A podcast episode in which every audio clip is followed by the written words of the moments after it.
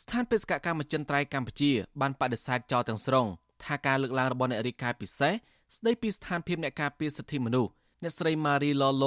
ពាក់ព័ន្ធទៅនឹងការសម្រេចរបស់សាលាដំបងរាជធានីភ្នំពេញថាជាការជំរុញនិងផ្ដល់កម្លាំងបន្ថែមឲ្យបុគ្គលកាន់តែល្មើសច្បាប់ផ្សព្វផ្សាយព័ត៌មានមិនពិតញុះញង់ឲ្យមានអំពើហិង្សានិងបាក់បែកក្នុងសង្គមដែលទាំងនេះសុទ្ធសឹងជាទង្វើរុញច្រានឲ្យកម្ពុជាធ្លាក់ក្នុងសភាពវឹកវរ សេចក្តីថ្លែងការណ៍របស់ស្ថានបេសកកម្មចិនត្រៃកម្ពុជាប្រចាំអង្គការសហប្រជាជាតិនិងអង្គការអន្តរជាតិនានានៅទីក្រុងហ្សឺណែវកាលពីថ្ងៃទី8ខែឧសភាអះអាងថាបទល្មើសគឺជាបទល្មើសហើយសកម្មភាពខុសច្បាប់មិនអាចត្រូវបានប្រើប្រាស់ជាតលហិកសម្រាប់បុព្វហេតុផ្សេងណាមួយបានឡើយ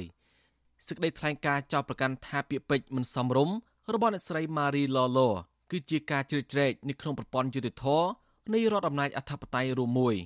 ឯការទៀមទាតាមទំនឹងចិត្តឲ្យរដ្ឋាភិបាលដោះលែងបុគ្គលណាម្នាក់គឺមានន័យស្មើទៅនឹងការវាយប្រហារទៅលើប្រព័ន្ធបែងចែកអំណាចនិងឯករាជ្យភាពលើប្រព័ន្ធតុលាការដែលត្រូវបានធានាដោយរដ្ឋធម្មនុញ្ញរបស់កម្ពុជាប្រតិកម្មរបស់ស្ថានបេសកកម្មចិនត្រៃកម្ពុជាធ្វើឡើងបន្ទាប់ពីអ្នកជំនាញផ្នែកការពារសិទ្ធិមនុស្សរបស់អង្គការសហប្រជាជាតិថ្កោលទោសការសម្ដែងរបស់តុលាការកម្ពុជាដែលបានផ្ដន្ទាទោសអ្នកការពារបរិស្ថានចំនួន3រូបឲ្យជាប់ពន្ធនាគាររហូតដល់ទៅ20ខែ ហើយជំរុញរដ្ឋាភិបាលដោះលែងពួកគេជាបន្ទាន់និងដោយឥតលក្ខខណ្ឌអ្នកការពារបរិស្ថានទាំង3នាក់នេះរួមមានលោកថនរដ្ឋាកញ្ញាឡុងគុន្ធាកញ្ញាភួនការស្មី ដែលជាសមាជិកអង្គការមេដាធម្មជាតិត្រូវបានតុលាការផ្ដន្ទាទោសកាលពីថ្ងៃទី5ខែឧសភាពីបទញុះញង់បង្កមានភាពវឹកវរធ្ងន់ធ្ងរដល់សន្តិសុខសង្គមពាក់ព័ន្ធទៅនឹងការលើកឡើងរបស់តំណាងកម្ពុជានេះអ្នកនាំពាក្យសមាគមការពារសិទ្ធិមនុស្សអាត6លោកសឹងសានករណាយល់ថាការបដិសេធបែបនេះ គឺជាទង្វើមិនសមរម្យទេសម្រាប់កម្ពុជានៅក្នុងនាមជាប្រទេសសមាជិកអង្គការសហប្រជាជាតិ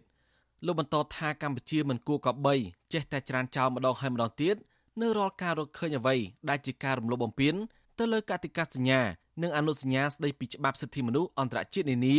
ដែលកម្ពុជាបានផ្ដល់សេចក្ដីបាននោះទេ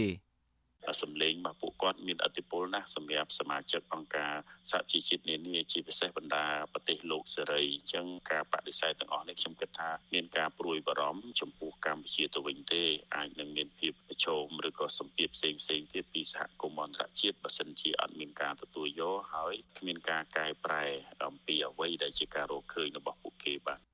អ្នកស្រីម៉ារីឡឡកាលពីថ្ងៃទី7ឧសភាបានចាត់ទុកសេចក្តីសម្រេចរបស់តុលាការកម្ពុជា ថាជាការសម្រេចគួរឲ្យខ្មាស់អៀនដើម្បីកាត់បន្ថយលំហសិទ្ធិរបស់ពលរដ្ឋនិងសម្លេងប្រឆាំង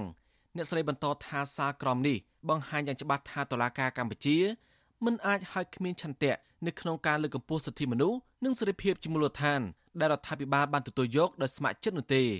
បន្ថែមពីនេះតុលាការមិនមានភស្តុតាងរឹងមាំណាមួយដែលបង្ហាញអំពីសកម្មភាពរបស់ពួកគេថាពិតជានាំឲ្យមានភាពវឹកវរនៅក្នុងសង្គមនោះទេខ្ញុំសនចរថា អាស៊ីសេរីរាយការណ៍ពីរដ្ឋធានីវ៉ាស៊ីនតោន